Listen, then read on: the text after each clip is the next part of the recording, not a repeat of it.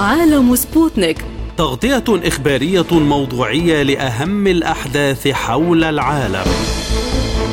يلقي الضوء على أهم الأخبار السياسية والاقتصادية. والرياضية. وجولة مع الأخبار الخفيفة من سبوتنيك break في عالم سبوتنيك. أهلا بكم مستمعينا الكرام في حلقة جديدة من عالم سبوتنيك. يسعد بصحبتكم في هذه الحلقة عبد الله حميد ونوران عطلة والبداية مع أبرز العناوين.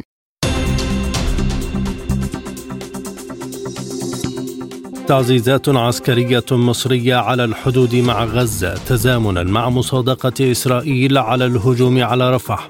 إسرائيل ترد برفض ثلاث نقاط من خطة حماس لوقف إطلاق النار في غزة وسط استمرار المحادثات بالقاهرة. وزير خارجية إيران يبدأ زيارة إلى لبنان وسوريا. الناتو يسعى لتولي تنسيق إمدادات الأسلحة من واشنطن إلى أوكرانيا. تحديات كبيرة تعترض جهود واشنطن لكبح نفط إيران.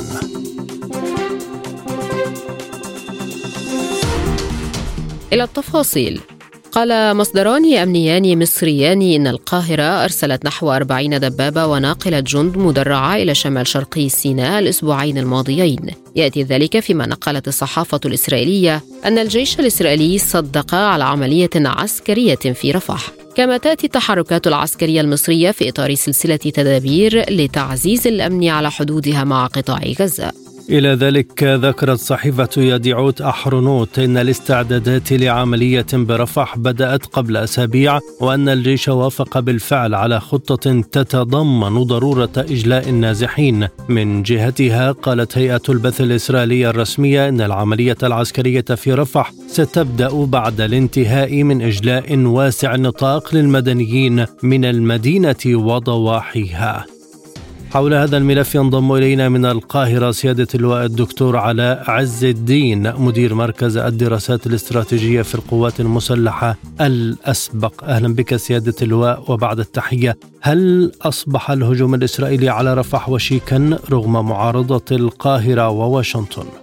إسرائيل كما اعتدنا لا ترى مصالح الاخرين ولا تتحسب لمخاوف الأطراف الأخرى كل ما تسعى إليه هو تحقيق اهدافها ومصالحها بغض النظر عن الإضرار بالأطراف التي قد تتأثر سلبا بقرار إسرائيل. هذا الهجوم هو استكمالا للإجرام الإسرائيلي الذي تم على غزة أو عشان أكون أكثر تحديدا الذي تم على المدنيين في غزة لأن لو بصينا للخسائر والصور اللي بتتناقلها وسائل الإعلام نلاقي كل كل الضربات الإسرائيلية على منازل ومساكن أهلنا في غزة. حتى الآن غير معلوم رغم الأخبار الكاذبة التي تبثها إسرائيل عن عدد الشهداء من المقاومة الفلسطينية لكن لم نرى اسيرا فلسطينيا من المقاومة. بالعكس هم يعني شغالين بنظام الإبادة الجماعية وبيروا أن هذا حق لهم. وبالتالي هذا الهجوم أنا أظن أنه سينفذ على رفح لدفع الأهالي والمدنيين إلى اللجوء والهروب إلى سيناء. ما موقف القاهرة إذا سيطرت إسرائيل على المناطق الحدودية ومحور فيلادلفيا بالتحديد؟ إذا سيطرت على غزة بالكامل القاهرة في يعني مصر لن تتدخل عسكريا لأن هذا سيكون خارج الأراضي المصرية، لكن محور فيلادلفيا أنا أظن أن الأمر قد يكون مختلفا وأعلنت مصر أكثر من مرة رفضها لهذا الأمر رغم أن إحنا لا نسعى للمواجهة ولكن إذا فرض علينا القتال كما تعودنا لن نتراجع ولن نستسلم ولن نفرط في سنتي من السيادة على الأراضي المصرية. ما رسائل القاهرة من وراء زيادة التعزيزات العسكرية على الحدود مع غزة؟ الرسالة الحقيقة للأطراف التي تتعاون مع إسرائيل وعلى رأسها الولايات المتحدة الأمريكية التي تدعي كذبا أنها صديق لمصر وبريطانيا التي تدعي كذبا أنها صديق لمصر هم في الحقيقة هم يدعموا إسرائيل بنسبة 100% وأيضا الرسالة لإسرائيل وسبق أكثر من مرة أن يكون هناك تحذيرا واضحا الحقيقة القيادة السياسية الفترات الأخيرة منذ تولي الرئيس عبد الفتاح السلطة لا يستطيع أو لا يدعي أنه يقول كلام لا يحتمل التنفيذ بل أنه يتكلم بجدية فيما هو جاد ولا يلقي التهديدات جزافا وبالتالي سيكون هذه الحشود هي رسالة لاسرائيل أنه إذا حدث أن أن هاجمت أو أثرت على الفاصل بين غزة ومصر سيكون هناك رد مصري على القوات الإسرائيلية وليس رد مصري على أهلنا في غزة. أهلنا في غزة هم مدنيين عزل لن توجه إليهم إليهم طلقة واحدة ولكن سيكون هناك رد على القوات الإسرائيلية ومهما حدث من تصعيد لن تتراجع مصر عن الدفاع عن امنها القومي. هل تعتقد أن نتنياهو يخاطر بالعلاقات مع مصر حال تنفيذ هذا الهجوم؟ هو يخاطر فعلا بهذا، نتنياهو لا يرى أمامه إلا منطق القوة، يتخيل أن مصر ستتراجع نظرا للأسف. المنطقة العربية أو الدول العربية اتخذت موقف موقفا سلبيا غير مبرر. الضعف العربي الذي يؤثر سلبا على مصر تأكيد له آثار غير جيدة على الأمن القومي المصري والعربي.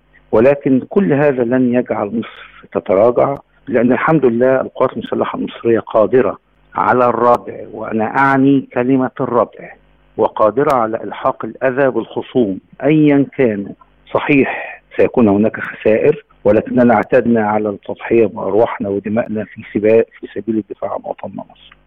عسكريا سيادة اللواء هل تنجح إسرائيل في فرض منطقة عازلة في غزة رغم تعثر عملياتها العسكرية في عموم القطاع حتى الآن؟ إن نجحت فهو سيكون نجاح مرحلي لأن إسرائيل تفكر بغباء وإجرام تتخيل إن إن استطاعت على القضاء على المقاومة الفلسطينية أن أن هذا سينهي المقاومة ولكن المقاومة ليست أشخاص ولكنها فكرة المقاومة الفلسطينية هي عقيدة.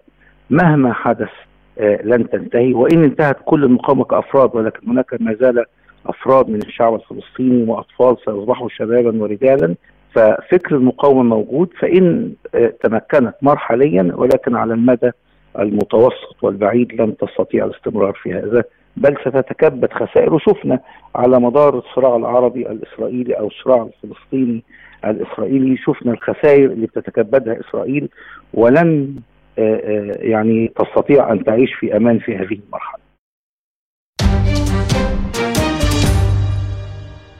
سلمت إسرائيل ردها على خطط حماس فيما يخص صفقة وقف الحرب وتبادل الأسرى إلى كل من مصر وقطر وأمريكا. وأعلنت إسرائيل رفضها خطة حماس ذات ثلاث مراحل لإنهاء الحرب على قطاع غزة. وأكد موقع ولا الإسرائيلي أن إسرائيل أبلغت الدول الوسيطة أنها ترفض غالبية طلبات حماس وطلبت منهم الاستعداد للمفاوضات على أساس خطة باريس.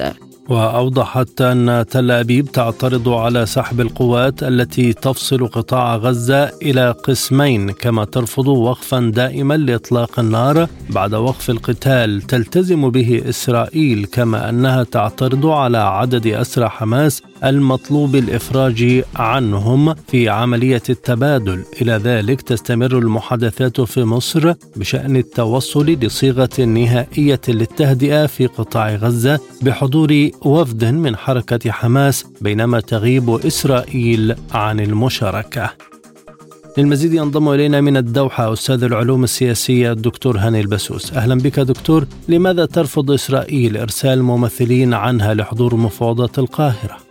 تحياتي لك ولكل المستمعين. أعتقد أن هناك ما زال اختلاف اختلافات كبيرة في المطالب بين حماس والجانب الإسرائيلي فيما يتعلق بأي إمكانية للوصول إلى اتفاق تهدئة سقف مطالب حماس أعلى من إمكانية أن يتم الوصول من خلالها إلى حل مع الجانب الإسرائيلي. بينما يبدو أن هناك أيضا نزعة لدى الجانب الإسرائيلي بأن يستمر في العمليات العسكرية في قطاع غزة. إلى أبعد مدة زمنية ممكنة ويحاول الاشتباك مع كل الكتائب من شمال قطاع غزة إلى جنوبها ويبدو هناك تصميم من قبل الجانب اليميني الإسرائيلي خاصة بن كبير وسموتريتش والضغط على حكومة بنيامين نتنياهو من أجل المضي قدما إلى أبعد حد زمني ممكن فيما يتعلق بهذه العمليات.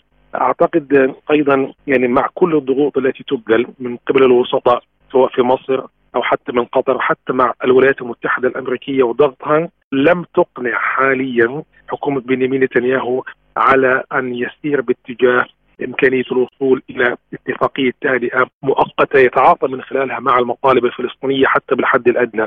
خاصة أنه هناك حالة إنسانية ماسة هناك وضع مأساوي في قطاع غزة وأن ما يحدث حتى هذه اللحظات يعني أثر بشكل كبير جدا على معالم الحياة على الحالة الإنسانية اليومية وبالتالي أعداد الشهداء أعداد المصابين والنازحين كبير جدا وأكثر من كل التوقعات، الجهود التي بذلت حتى الآن من مصر ومن قطر هي جهود طيبة وجيدة وجدية إلا أنه كما قلت في البداية الاختلاف كبير بين المقاومة الفلسطينية والجانب الإسرائيلي ويبدو انه كل المؤشرات تدلل على انه توجه حكومة بنيامين نتنياهو أن يسير بهذه العملية إلى أبعد مدى زمني ممكن من أجل أن يحصل على مكاسب سياسية لأنه حتى الآن صحيح أنه قام بتدمير البنيه التحتية ومعالم الحياة وأدى إلى خسائر فادحة في قطاع غزة إلا أنه لم يستعيد المحتجزين من قطاع غزة ولم يقضي على حماس مما يعني يدفع إنه يفكر أن يستمر بهذه العملية إلى أسابيع أو أشهر طويلة. لكن ألا تعكس التصريحات الإسرائيلية رغم رفض ما قدمته حماس رغبة إسرائيلية ضمنيا بإتمام صفقة تبادل الاسرى؟ حتى الآن لا توجد، أنا باعتقادي إنه لا توجد. هناك رغبة حقيقية عند الجانب الإسرائيلي بأن يعقد صفقة حقيقية ضمن مفاهيم ممكن قبولها بالحد الأدنى على الأقل. حسب ما سمعنا صباح هذا اليوم من بنيامين نتنياهو يقول إذا تم الاتفاق سيكون على القاعدة اللي تمت قبل حوالي 60 يوم اللي كان واحد مقابل ثلاثة. وهذا غير مقبول عند حماس وعند الفصائل الفلسطينية. أيضا بالإضافة إلى مطالب حماس بانسحاب الجيش الإسرائيلي بالكامل من قطاع غزة ووقف إطلاق النار. حتى الآن نتنياهو مصمم على إنه لا وقف لإطلاق النار إلا بعد أن يكون هناك إتمام لصفقة التبادل بعدها يتم الحديث عن وقف إطلاق النار. في هناك اختلافات كبيرة بين الموقفين. أعتقد أنه يعني لم تقبل حكومة نتنياهو حتى الآن إلا جزئيات بسيطة من مطالب حماس ما تم الإعلان عنه واضح أن نتنياهو رفض أغلب مطالب حماس وبالتالي هذا يعقد الواقع الميداني ويجعل العمليات هي سيد الموقف وأنه ما يحدث حتى الآن في خان يونس وبوادر عملية محتملة خلال الساعات أو الأيام القليلة القادمة في رفح. هذا سيعقد المشهد ولا أعتقد انه الاحتلال سيدخل في مفاوضات مع حماس والفصائل الفلسطينية إلا بعد الانتهاء من عملياته في رفح. نتحدث هنا عن عن مفاوضات جدية حقيقية من الممكن أن تؤدي إلى نتائج ملموسة. باعتقاد نتنياهو لن يدخل في هذه المفاوضات إلا بعد أن ينتهي من عملياته في خان يونس وفي رفح. لماذا تطالب إسرائيل بالعودة لخطة باريس التي أدخلت عليها تعديلات من قبل حماس؟ ما هي مكاسبها منها؟ خطة باريس أولا الفصائل الفلسطينية لم تكن جزء منها. يعني لم تكن ممثلة. كل الفواعل أو الدول اللي كانت معنية الموجودة تمثل يعني الوسطاء والولايات المتحدة وإسرائيل. لم يكن لحماس ولا الفصائل الفلسطينية وجود فيها. فما تم الاتفاق عليه بشكل مبدئي في باريس ويتعاطى نسبيا مع مقتضيات الحالة الإسرائيلية أكثر من الحالة الفلسطينية. بمعنى إنه هناك ثلاث مراحل تم الحديث عنها، مرحلة أولى لمده 45 يوم ونفس الشيء مرحلة ثانية وثالثة. لكن آه على أن يكون هناك تعاطي مع الجانب الإنساني أكثر من أي شيء ثاني بالإضافة إلى وقت مؤقت لإطلاق النار، اتفاقيه باريس أو مبادرة باريس لم تشمل نقطتين أساسيتين، النقطة الأولى وقف كامل وشامل لاطلاق النار، النقطة الثانية موضوع ما بعد الحرب على قطاع غزة وما ما, ما سيحدث من الناحية السياسية وكيفيه التعامل مع قطاع غزة، وبالتالي أعتقد إنه يعني هي قد تكون أفضل بكثير جدا لحكومه بنيامين نتنياهو من اي من المطالب اللي تم وضعها من قبل حماس والفصائل الفلسطينية. باريس ك كمبادرة كما قلت يعني كل من كان موجود هناك كانت الولايات المتحدة وإسرائيل والوسطاء الفصائل الفلسطينية لم يكن لها أي ممثل ولم تكن على علم بتلك التفاصيل وبالتالي كان حماس وضعت شروطها ووضعت متطلباتها واللي هي نسبيا بعيدة وبعيدة كثيرا عن السقف اللي ممكن أن تقبل به إسرائيل. كيف يمكن تقليص الفجوة بين مطالب الطرفين؟ ما هي أدوات الوسطاء في هذا الجانب؟ السؤال الصعب الحقيقة إنه الوسطاء بذلوا جهدا كبيرا في السياق هذا من من مدة يعني ولكن الفجوة ما زالت كبيرة. أعتقد إنه مزيد من الضغط قد يكون مهم جدا في الأيام القادمة من قبل الوسطاء والأهم من ذلك من قبل الولايات المتحدة، الولايات المتحدة هي شريك لإسرائيل في عملياته وفي وجوده وفي دعم إسرائيل بالمال والسلاح وحتى الموقف السياسي. وبالتالي الولايات المتحدة هي الدولة الوحيدة من الممكن أن تضغط باتجاه إمكانية الوصول إلى تهدئه طويلة المدى، يعني بالتالي التعامل ما بين الوسطاء مصر وقطر مع ضمانه مع ضمانة روسية وضمانة تركية كما طالبت حماس لأنه لا تثق بالولايات المتحدة ولا تثق بالجانب الإسرائيلي. ومن هذا الباب باعتقادي إنه دخول مزيد من الوسطاء أو الضامنين مثل روسيا وتركيا قد يسهل عملية الوصول إلى اتفاقية قد تكون مقبولة من من الجانبين، أما بالمعطيات الحالية أعتقد هناك صعوبات بالغة. صعوبات بالغة مطالب حماس أعلى من سقف إسرائيل. نفس الشيء بالنسبة لما تطرحه إسرائيل كحكومة احتلال. لا يتناسب مع المطالب الفلسطينية والحقوق الفلسطينية ولا يتناسب مع حجم المعركة والحجم الخسائر والتضحيات اللي ضحاها الشعب الفلسطيني، لذلك باعتقادي دخول وسيط جديد بالإضافة للموجودين من وسطاء مع ضغوط وضمانات دولية، هذا قد يؤدي إلى حلحلة الأوضاع حتى لو بشكل نسبي من أجل الوصول إلى اتفاقية وسط، وبالتالي في هذا السياق ممكن حماس ان أن تتنازل عن بعض المتطلبات. وممكن الجانب الإسرائيلي أن يقبل بالتعاطي مع بعض المتطلبات للوصول إلى حد وسط، هذا أيضا قد لا يتم قد لا يتم خلال هذه الأيام لأن هناك نية واضحة عند الجانب الإسرائيلي بأن يتمم عملياته في جنوب قطاع غزة. والأخطر من هذا كله وجود حوالي مليون ونصف فلسطيني في في مدينة رفح وهذه مدينة حدودية وبالتالي هناك تخوفات من أن تستغل دولة الاحتلال العملية القادمة في رفح من أجل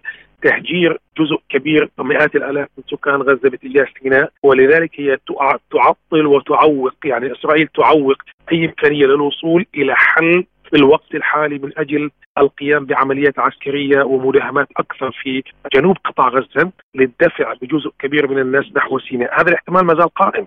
وإن لم يتم الحديث عنه بشكل علني من قبل الجانب الإسرائيلي إلا إنه أحد الاحتمالات اللي ما زالت موجودة والمؤشرات تقول إنه عملية الإجلاء لسكان مدينة رفح اللي حوالي مليون ونص مواطن احتمال أن يتم خلال الأيام القليلة القادمة سواء إلى وسط قطاع غزة أو إنه قد يكون الاحتمال الثاني باتجاه سيناء. وبالتالي هذا سيؤدي إلى أن إسرائيل لن تدخل في عملية مفاوضات جادة حقيقية خلال الأيام القادمة إلا بعد الانتهاء من عمليات العسكرية في مدينة رفح. قال وزير الخارجية الإيراني حسين أمير عبد اللهيان إن إسرائيل تعمل على جر الولايات المتحدة الأمريكية إلى مستنقع الحرب في المنطقة جاء ذلك في مؤتمر صحفي عقده عبد اللهيان بمطار رفيق الحريري الدولي في بيروت عقب وصوله في زيارة غير محددة المدة يلتقي خلالها مسؤولين لبنانيين قبل زيارته لسوريا. وأكد عبد اللهيان أن بلاده دعت واشنطن لأن تتوقف عن دعم إسرائيل في جرائمها ضد الفلسطينيين في غزة والضفة الغربية. وأضاف أنه بعد أربعة أشهر من الإبادة الجماعية في قطاع غزة لم تحقق إسرائيل أيا من أهداف الحرب. للمزيد من المتابعة ينضم إلينا من طهران الكاتب والمحلل السياسي صالح القزويني بعد التحية. ما أهداف زيارة عبد اللهيان للبنان وسوريا؟ بسم الله الرحمن الرحيم. آه، تعلمون أنه يعني هذه الزيارة هي مرتبطة بشكل وثيق آه، بالتطورات آه، والمستجدات التي تشهدها آه، يعني غزة والعدوان الإسرائيلي المستمر على هذا القطاع. وزير الخارجية الإيراني أعلن بشكل واضح عن اهداف هذه الزيارة في لدى وصوله إلى مطار بيروت. آه، لا شك أن هذه الزيارة آه، ترتبط آه، بشكل وثيق بقضية رد يعني حركة حماس على مقترح أو مبادرة أو اجتماع باريس. وأيضا ما يعني يروجه الكيان الإسرائيلي في قضية انها إنه يريد القيام بالمرحلة الأخيرة من عدوانه وهو الهجوم على رفح. آه، على اية حال آه، أعتقد أنه هناك حاجة ماسة لتوحيد الموقف آه، السياسي.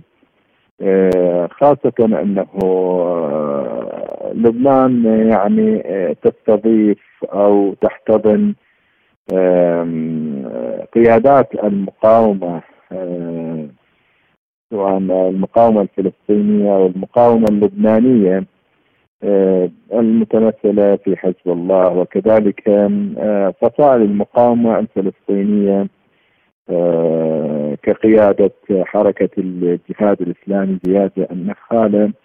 وكذلك يعني ممثلين وقيادات لحركة حماس في لبنان. أعتقد أنه الضرورة دعت وخاصة مستجدات مستجدات يعني الأحداث في غزة دعت عبد اللهيان إلى زيارة لبنان.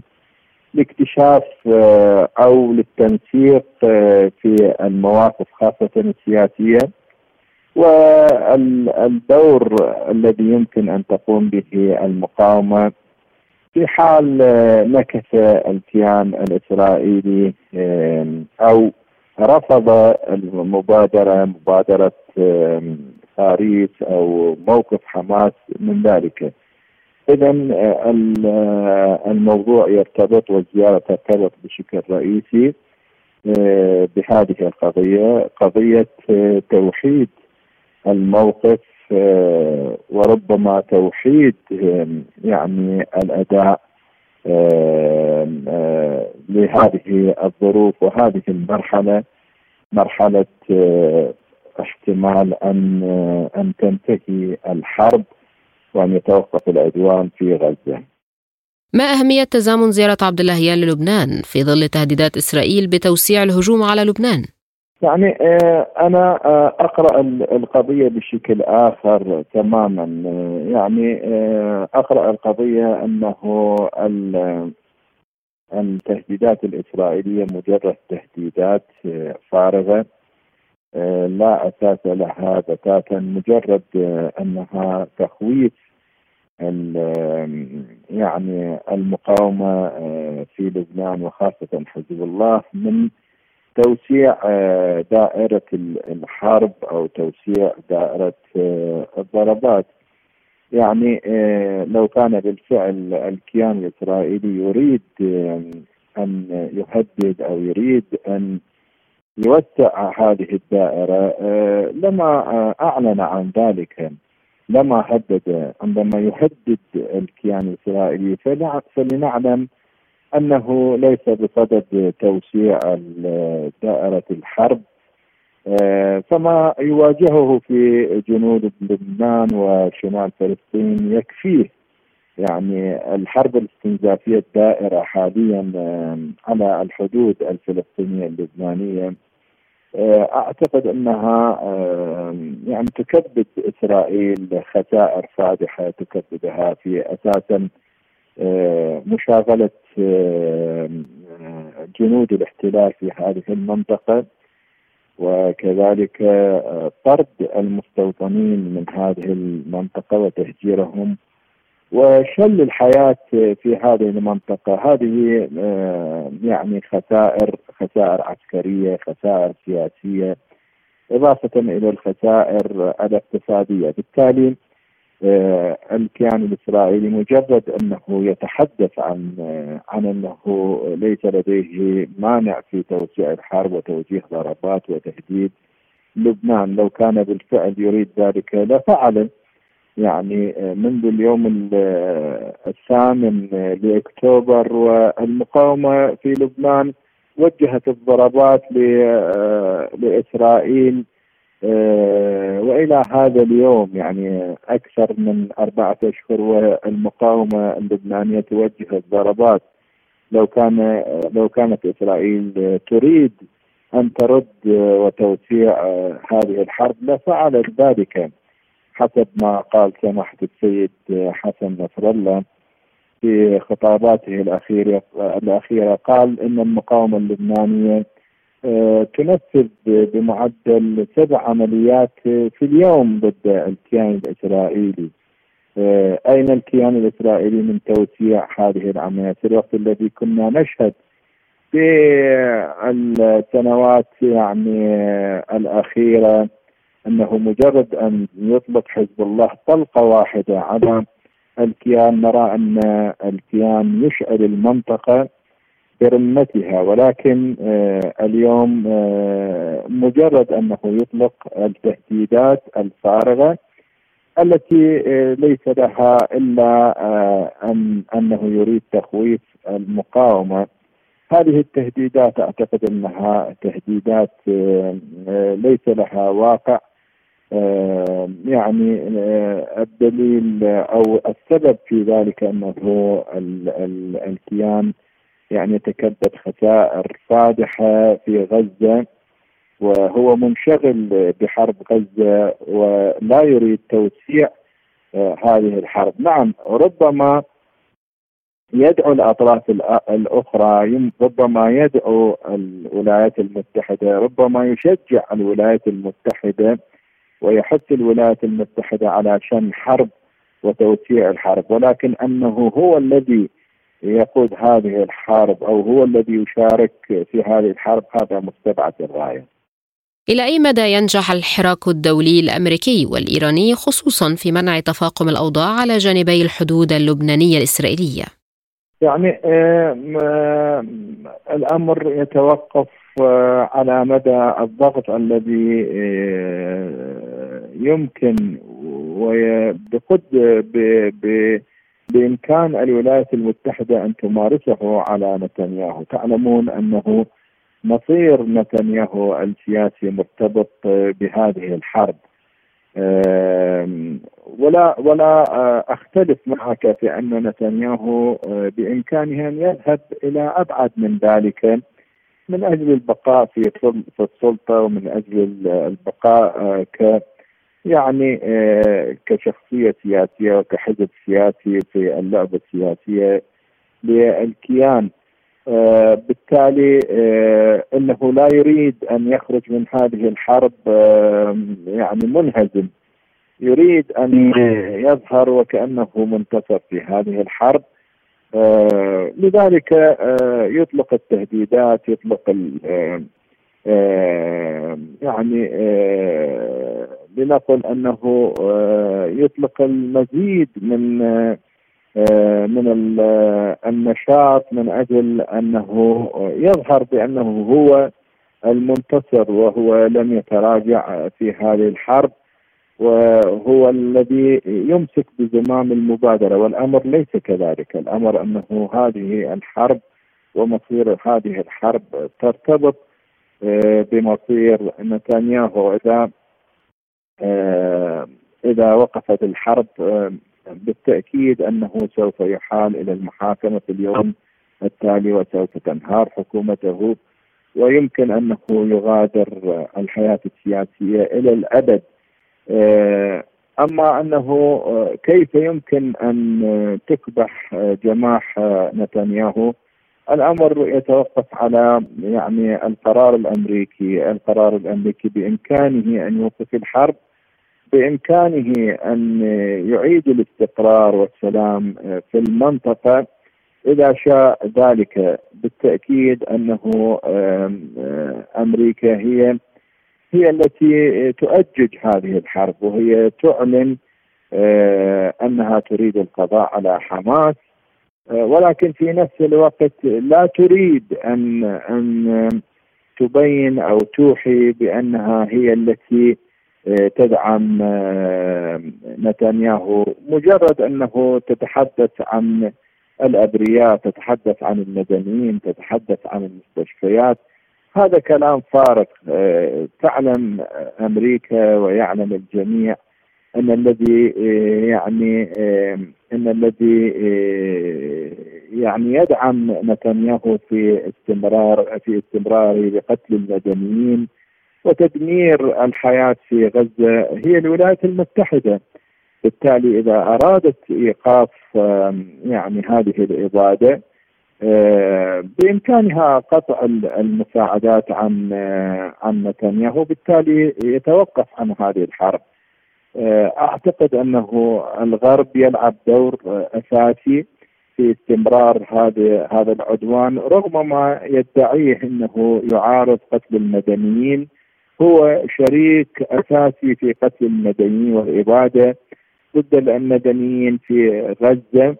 لو أراد بالفعل آه، يعني إيقاف قتل المدنيين لأوقف الدعم عن نتنياهو بذلك تنتهي الحرب. ذكرت صحيفة هاندلسبلات الألمانية أن حلف الشمال الأطلسي يعتزم أن يتولى تنسيق إمدادات الأسلحة إلى أوكرانيا من الولايات المتحدة الأمريكية وأضافت أنه جرت مناقشات حول هذا القرار في الأسبوع الحالي وذلك على الرغم من أن شعار التحالف كان الإحجام عن أن يصبح جزءا من الصراع مع روسيا لكن الآن اهتزت المحرمات بسبب المخاوف من فوز دونالد ترامب في الانتخابات الرئاسية الأمريكية. وبحسب الصحيفة فإن صيغة رامشتاين تتضمن اجتماعات لممثلي خمسين دولة تقدم الدعم العسكري لكييف مشيرة إلى أن المفاوضات تجري في القاعدة الجوية الأمريكية في مدينة رامشتاين في ولاية رينلاند بلاتينات الفيدرالية في ألمانيا للمزيد من المتابعة ينضم إلينا من بيروت العميد ناجي ملاعب الخبير العسكري والاستراتيجي بعد التحية ما مدى واقعية ذلك في ظل الشكوك التي تحيط باستمرار واشنطن دعم أوكرانيا؟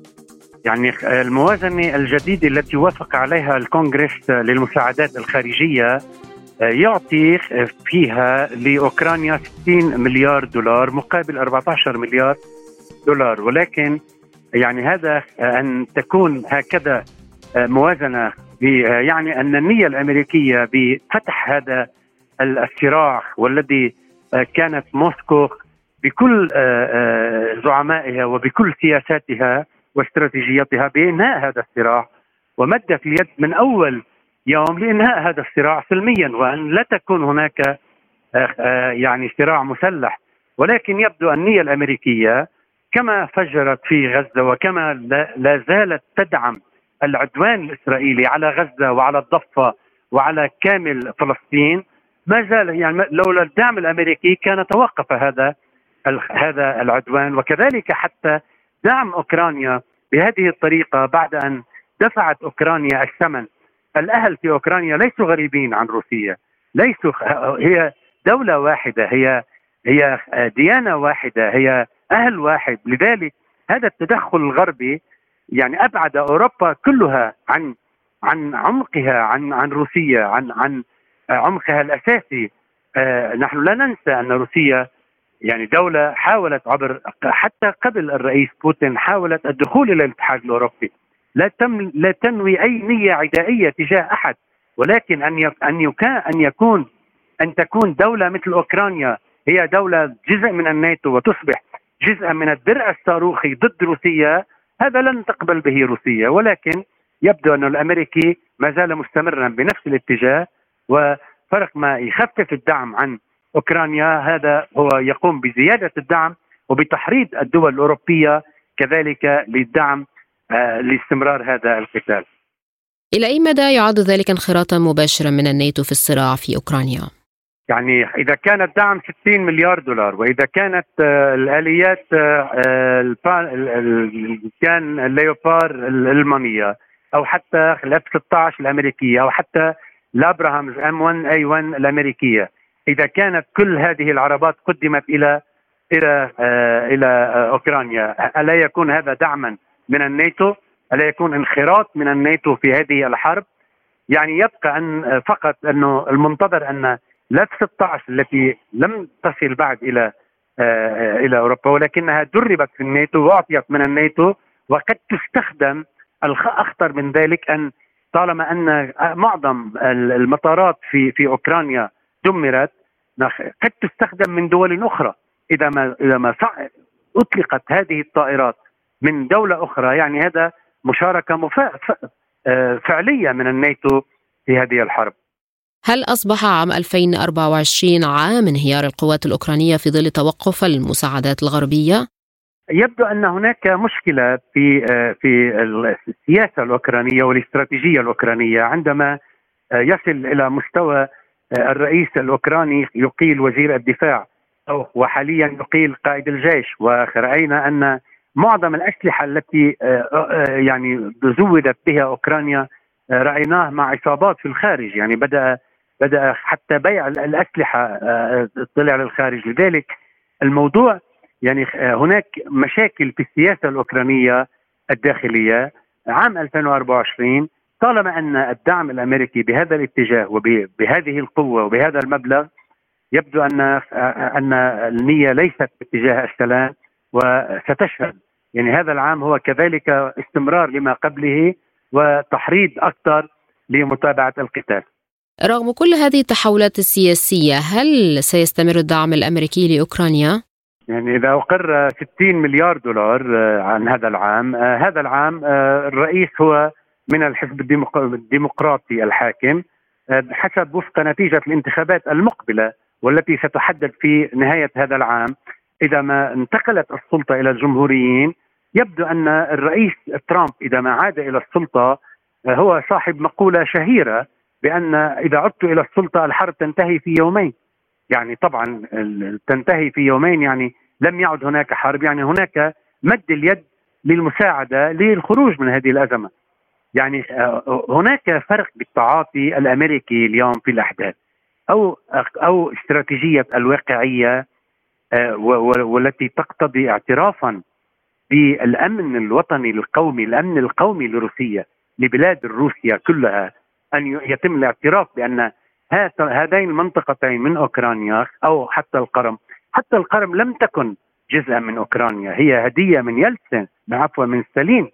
بهذا الاتجاه، لذلك العودة إلى السياسة الواقعية واعتراف بالأمن القومي الروسي هو هي هذه سياسة مجدية ولكن السياسة الليبرالية التي يعتمدها الحزب الحاكم حاليا والتي تقول أنه لا يعني السياسة الليبرالية لا يمكن الاعتراف بغزو أي دولة أو حتى يعني الاعتراف بسيادة الدولة مساعدة الدولة على سيادتها.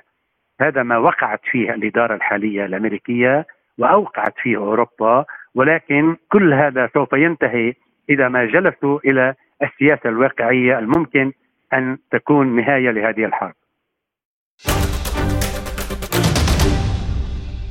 أعربت إدارة الرئيس الأمريكي جو بايدن عن رغبتها في تشديد الخناق على مبيعات النفط الإيرانية لتقييد دعمها للمسلحين في الشرق الأوسط. ذكرت وسائل إعلام أمريكية أن الضغط الزائد يهدد بفرض أسعار أعلى على الاقتصاد العالمي البطيء ويهدف البيت الأبيض إلى تعزيز تطبيق العقوبات الحالية على إيران مع تفاقم الأزمة الإقليمية بالرغم من إدراكه أن العثرات قد تعطل أسواق النفط العالمية. للمزيد من المتابعة انضم إلينا دكتور وضاح الطه عضو المجلس الاستشاري الوطني لمعهد الأوراق المالية والاستثمار البريطاني في الإمارات بعد التحية ما أسباب هذا التوجه الأمريكي الآن؟ الحقيقة هو يعني الآن في الظرف الحالي آه، أعتقد حجب حجب نفط إيران آه، بالنسبة للولايات المتحدة قد يشكل تحدي خشية من آه، ارتفاع أسعار النفط وكما تعلم أنه هذا سوف يقوض جهود الفدرالي في كبح جماح التضخم في الولايات المتحدة ووصوله إلى المستهدف. أساسا الفدرالي تريث في تخفيض سعر الفائدة للتأكد من صلابة آه، آه، السياسة النقدية التي ينتهجها وعدم العودة إلى المعدلات العالية التي كانت سائدة في البلاد. فالنفط آه، حجب هذه الكمية سوف يقلل الكمية المعروضة في السوق. وهذا الحقيقة هذا الاتجاه لاحظته منذ أشهر آه، من خلال التغير في اللهجة العدائية التي كانت سائدة اتجاه فنزويلا. يعني قبل إيران كان آه، يعني آه، النفط الفنزويلي أيضا محجوب من من السوق وفجأة تغير كبير في الموقف الأمريكي تجاه نفط فنزويلا وحصلت مباحثات. كانت كانت آه، يعني كان الموقف آه، يحاول الضغط على الحكومة الفنزويلية إلى درجة أنه يؤلب الوضع الداخلي في فنزويلا بهدف يعني إجراء تغيير سياسي. لكن ما لبث هذا الأمر أمر الا انتقل وأدى إلى السماح لفنزويلا أيضا وتصدير النفط والتصدير النفط أعتقد يعني يعني كان الهدف منه اقتصادي بحت أثر بشكل كبير على الموقف السياسي القرار الأمريكي سياسيا. هل تنجح الخطة الأمريكية القائمة على العقوبات في كبح النفط الإيراني؟ الحقيقة يعني من خلال متابعة لسنوات طويلة هذا هذا الموضوع. أعتقد يعني لم لم تكن هناك كانت هناك في أو وقت من الأوقات كان هناك بعض الجدية في حجب النفط الإيراني عن الأسواق. ولو لو لو كان هناك رغبة يعني حقيقية في في في حجبه جد هناك فترة كانت كان هناك انخفاض كبير في في صادرات النفط الإيراني والنفط الإيراني كما نعرف حتى في من قبل مراقبين وجهات إعلامية أمريكية يدركون تماما أن هناك طرق التهريب طرق التهريب متعددة الإيراني سواء عبر عبر خلط نفوط من الدول المجاورة واعتبار النفوط هذه نفوذ صادرة من دول مجاورة وما إلى ذلك. وهذه عندما تعرف على مستوى السوق فهي أكيد معروفة لدى الجانب الأمريكي. ولكن هناك أنا في اعتقادي أيضا كان هناك غض الطرف عن عن هذه العمليات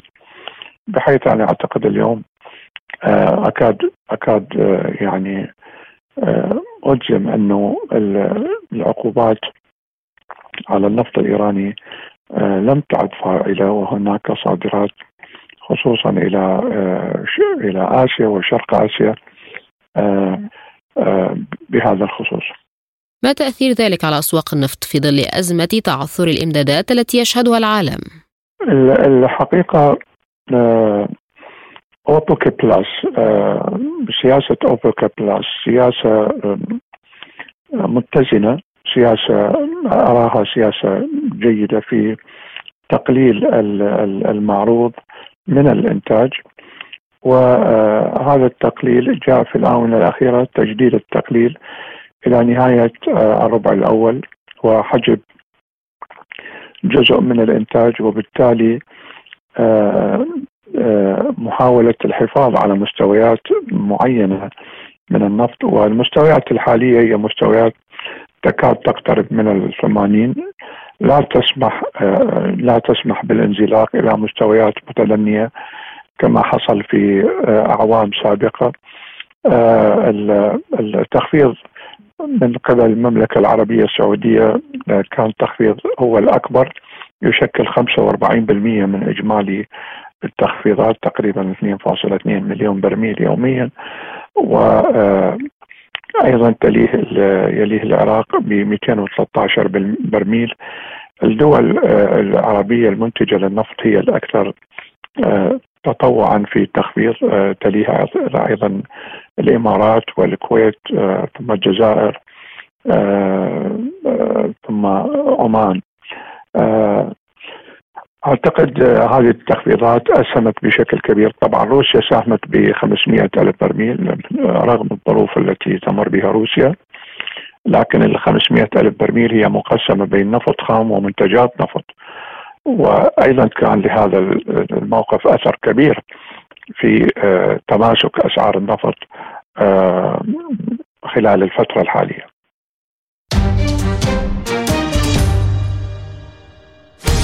عالم سبوتنيك يغطي جميع الأحداث السياسية والاقتصادية والرياضية حول العالم على مدار ساعة تتابعون عالم سبوتنيك مع أهم خبراء التحليل السياسي والاقتصادي. نقترب معكم في متابعة دقيقة من القضايا السياسية والاقتصادية، كما نستعرض أهم الأخبار الرياضية والفنية والبيئية. انتظروا عالم سبوتنيك الجمعة والسبت والأحد من كل أسبوع. مساحة حرة. برنامج يسلط الضوء على أهم القضايا الاجتماعية والاقتصادية حول العالم. في مساحة حرة تنوع في الآراء وثراء في النقاش. مساحة حرة. يأتيكم عبر راديو سبوتنيك الاثنين والخميس من كل أسبوع. الآن إلى جولة من الأخبار حول العالم. قال نائب رئيس مجلس الأمن الروسي ديمتري ميدفيديف إنه بتعزيز روسيا موقفها كقوة قوية لا أحد يقدر على عزلها. وأوضح ميدفيديف أن روسيا في القرن الحادي والعشرين تحافظ وتعزز موقعها الريادي كقوة عالمية تنافسية وقوية أي أنها لا تستسلم للاستفزازات وتقاوم العدوان وتقاوم الضغط الخارجي. أعلنت وزارة الدفاع الروسية اعتراض وتدمير ثلاث طائرات مسيرة أوكرانية فوق مقاطعة بريانسك غربي روسيا. وأضافت وزارة الدفاع في بيان لها أنه تم إحباط محاولة من قبل نظام كييف لتنفيذ هجوم إرهابي بطائرات مسيرة على أهداف في أراضي روسيا الاتحادية. أفاد الصحفي الأوكراني يوري بوتوسوف المستشار السابق لوزير الدفاع الأوكراني بأن الوضع حرج على طول خط المواجهة بأكمله للقوات المسلحة الأوكرانية بسبب الهجوم الروسي. وقال بوتوسوف وهو جنرال سابق في الجيش الأوكراني في مدونته على يوتيوب أن الجبهة تتصدع في بعض المناطق وأن القوات الأوكرانية مضطرة بالفعل إلى التراجع. أعلن مجلس الأمن السبراني في الإمارات التصدي لهجمات إلكترونية بائسة نفذتها تنظيمات إرهابية سبرانية استهدفت من خلالها عددا من القطاعات الحيوية والاستراتيجية في الدولة. وأفادت وكالة الأنباء الإماراتية وأم بأنه تم تفعيل منظومات الطوارئ السبرانية والتي تمكنت من التصدي باحترافية وكفاءة واستباقية لهذه الهجمات السبرانية الإرهابية الفاشلة وردع كل من تسول له نفسه المساس بأمن الوطن ومقدراته. قال مسؤول إسرائيلي أن تل أبيب تسعى للضغط على حركة حماس لسحب الشروط الوهمية التي وضعتها لصفقة إطلاق سراح المحتجزين المحتملة ولا تنوي تقديم شروط جديدة. وأوضح المسؤول لصحيفة تايمز أوف إسرائيل أن الهدف الرئيسي الآن هو خلق ضغط من الأمريكيين ودول أخرى على قطر ومن هناك على حماس بالإضافة إلى الضغط العسكري لجعلهم يتراجعون عن مطالبهم الوهمية بحسب تعبيره.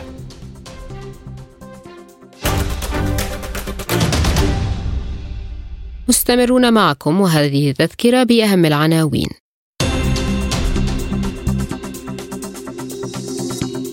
تعزيزات عسكرية مصرية على الحدود مع غزة تزامنا مع مصادقة إسرائيل على الهجوم على رفح. إسرائيل ترد برفض ثلاث نقاط من خطة حماس لوقف إطلاق النار في غزة وسط استمرار المحادثات بالقاهرة. وزير خارجية إيران يبدأ زيارة إلى لبنان وسوريا. الناتو يسعى لتولي تنسيق إمدادات الأسلحة من واشنطن إلى أوكرانيا. تحديات كبيرة تعترض جهود واشنطن لكبح نفط إيران.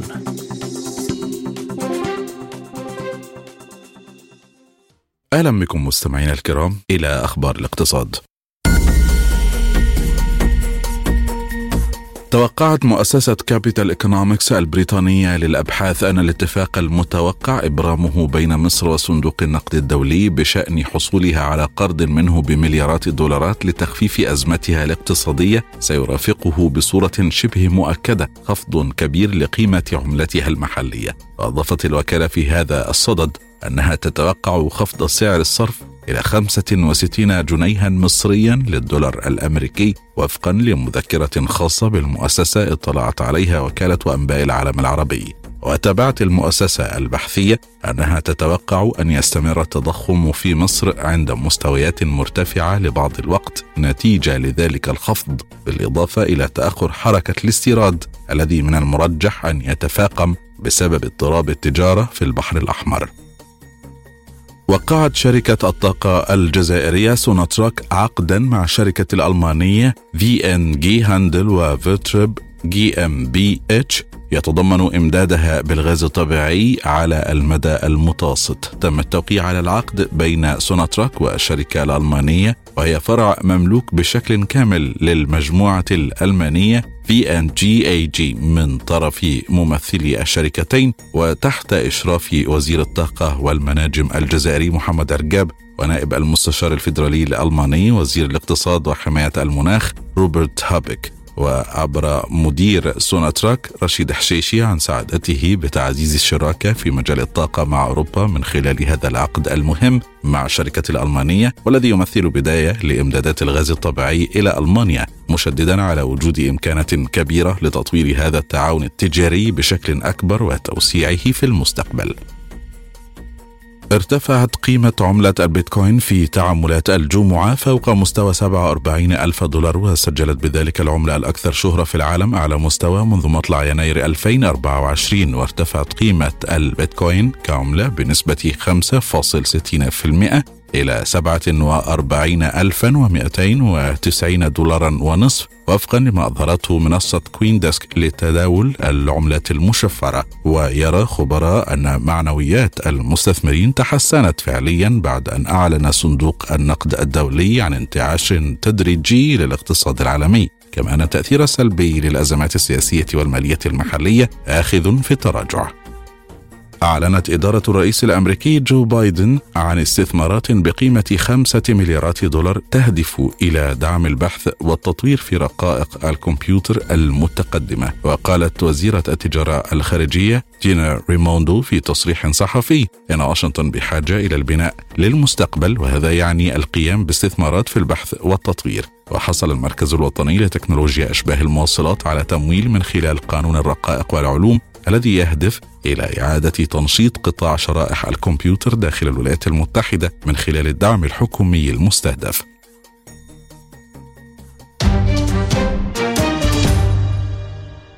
والآن إلى أنباء الرياضة.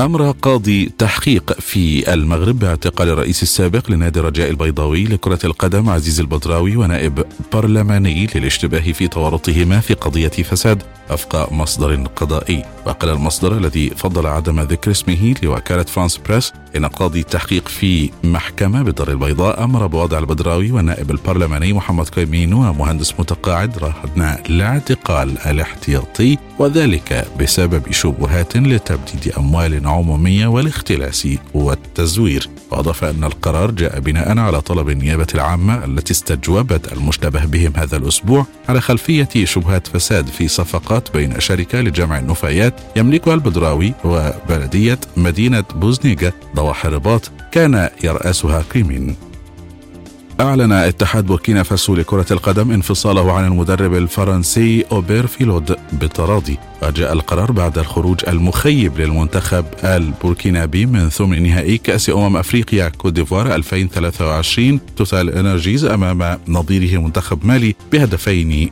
لهدف. يتجه مجلس الاتحاد الدولي لكرة القدم إلى الإعلان عن تجريب رسمي للبطاقة الزرقاء في مباريات كرة القدم وهي بطاقة أكثر صرامة من البطاقة الصفراء لكنها أقل من البطاقة الحمراء وتؤدي إلى طرد مؤقت للاعب لمدة عشر دقائق. وأكدت شبكة ESPN أن الإعلان تم يوم الجمعة بالفعل ولفتت إلى أن الهدف هو تحسين سلوك اللاعبين وزيادة الاحترام لمسؤولي المباراة والتي تتضمن الطرد المؤقت للتذمر والمخالفات التكتيكية المحددة. وتم سن قوانين البطاقة الصفراء والبطاقة الحمراء عام 1970 ومنذ ذلك الحين لم يتم سن بطاقات جديدة.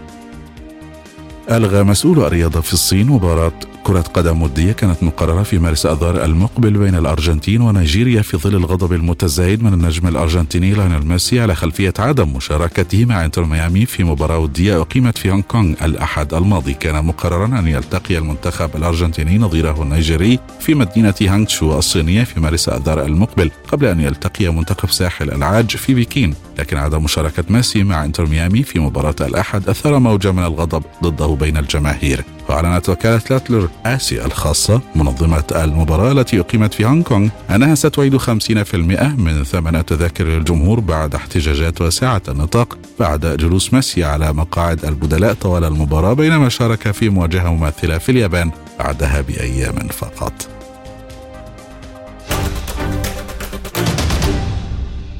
والآن مع سبوتنيك بريك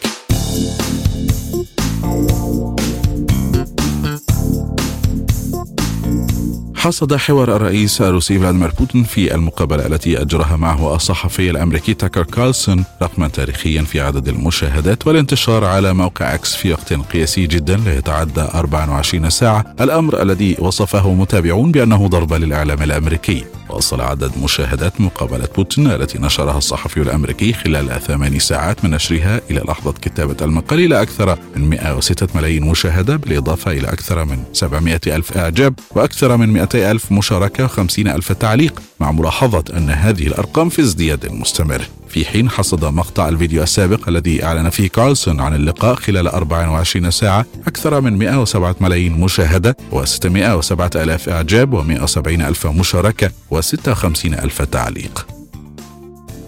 حقق الباحثون العاملون في مركز أبحاث روسي كبير في سيبيريا طفرة في علم الوراثة والتي تمنح نظرة ثاقبة على العلاقة بين الشفرة الوراثية البشرية والتطور المعرفي. وتمكن علماء من معهد علم الخلايا وعلم الوراثة مركز الأبحاث الفيدرالي الروسي. هو جزء من فرع سيبيريا للأكاديمية الروسية للعلوم ومقره في نوفو سيبرسك من إنتاج أدمغة صغيرة بشكل مصطنع في المختبر. ستساعد هذه الأدمغة الصغيرة المزروعة في المختبر على إجراء المزيد من الدراسات حول الطريقة التي تؤثر بها السمات الجينية المختلفة على الوظائف المعرفية لدى الفرد. وقال علماء الأحياء الروس إنهم تمكنوا من إنشاء عضويات دماغية ثلاثية الأبعاد يشار إليها أيضا باسم عضويات الدماغ والتي تشبه الأنسجة البشرية من الناحية الهيكلية وسوف تساعد تلك النماذج الثلاثية الأبعاد في البحث عن مدى تأثير الضرر أو إيقاف تشغيل مناطق ترميز محددة وهي جزء من عامل الحمض النووي للجين على الذكاء البشري. تواصل فرق مكافحة الجراد في محافظة جنوب البحر الأحمر المصرية أعمالها المستمرة في مكافحة الجراد بعد أن تعرضت المحافظة لتدفقات كبيرة من أسراب هذا الجراد ونوعه الصحراوي الأصفر. قالت قناة العربية أن هذه الأسراب تجاوزت الحدود السودانية ودخلت الأراضي المصرية كما تزايدت أعدادها بشكل كبير رغم القضاء على الأسراب الأولى وأشارت إلى أنها الآن على مشارف مدينة مرسى علم في محافظة البحر الأحمر المصرية. نقلت القناة عن مصادر مصرية أن فرق المكافحة نجحت بالفعل خلال الأسبوعين الماضيين في القضاء على تدفقات كبيرة لأسراب الجراد الصحراوي الأصفر من خلال قواعد المكافحة الموجودة بحلايب وشلاتين وأبو رماد مع الاستعانة بفرق من محافظتي قنا طور مجموعة من الباحثين طريقة مستقبلية من خلال اللعاب كافية لاستكشاف الخلايا السرطانية في جسم الإنسان. وقام مجموعة من الباحثين في جامعة غوتنبرغ بتطوير طريقة فعالة لتفسير التغيرات في جزئيات السكر التي تحدث في الخلايا السرطانية من خلال لعاب الفم. وفقا لدراسة نشرت في مجلة Science Daily وذكر دانيال بوغر المحاضر الأول في جامعة غوتنبرغ والمؤلف الرئيسي للدراسة المنشورة أنه من خلال السماح لهذه الطريقة المطورة حديثا والمعززة بالذكاء الاصطناعي بالعمل من خلال كميات كبيرة من البيانات فإنهم تمكنوا من العثور على هذه الروابط. وأشار إلى أنهم قاموا بتحليل بيانات من نحو 220 مريضا يعانون 11 سرطانا تم تشخيصهم بشكل مختلف وتم تحديد الاختلافات في البنية التحتية للغليكان وهو نوع من هياكل جزيئات السكر المرتبطة بالبروتينات الموجودة في خلايا الإنسان اعتمادا على نوع السرطان.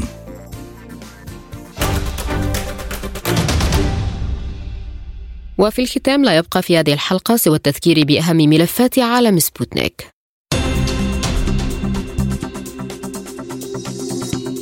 تعزيزات عسكرية مصرية على الحدود مع غزة تزامنا مع مصادقة إسرائيل على الهجوم على رفح. إسرائيل ترد برفض ثلاث نقاط من خطة حماس لوقف إطلاق النار في غزة وسط استمرار المحادثات بالقاهرة. وزير خارجية إيران يبدأ زيارة إلى لبنان وسوريا. الناتو يسعى لتولي تنسيق إمدادات الأسلحة من واشنطن إلى أوكرانيا. اقتصاديا تحديات كبيرة تعترض جهود واشنطن لكبح نفط إيران. رياضيا اعتقال الرئيس السابق لنادي رجاء البيضاوي المغربي على خلفية قضايا فساد. للمزيد زوروا موقعنا سبوتنيك دوت إي. إلى اللقاء.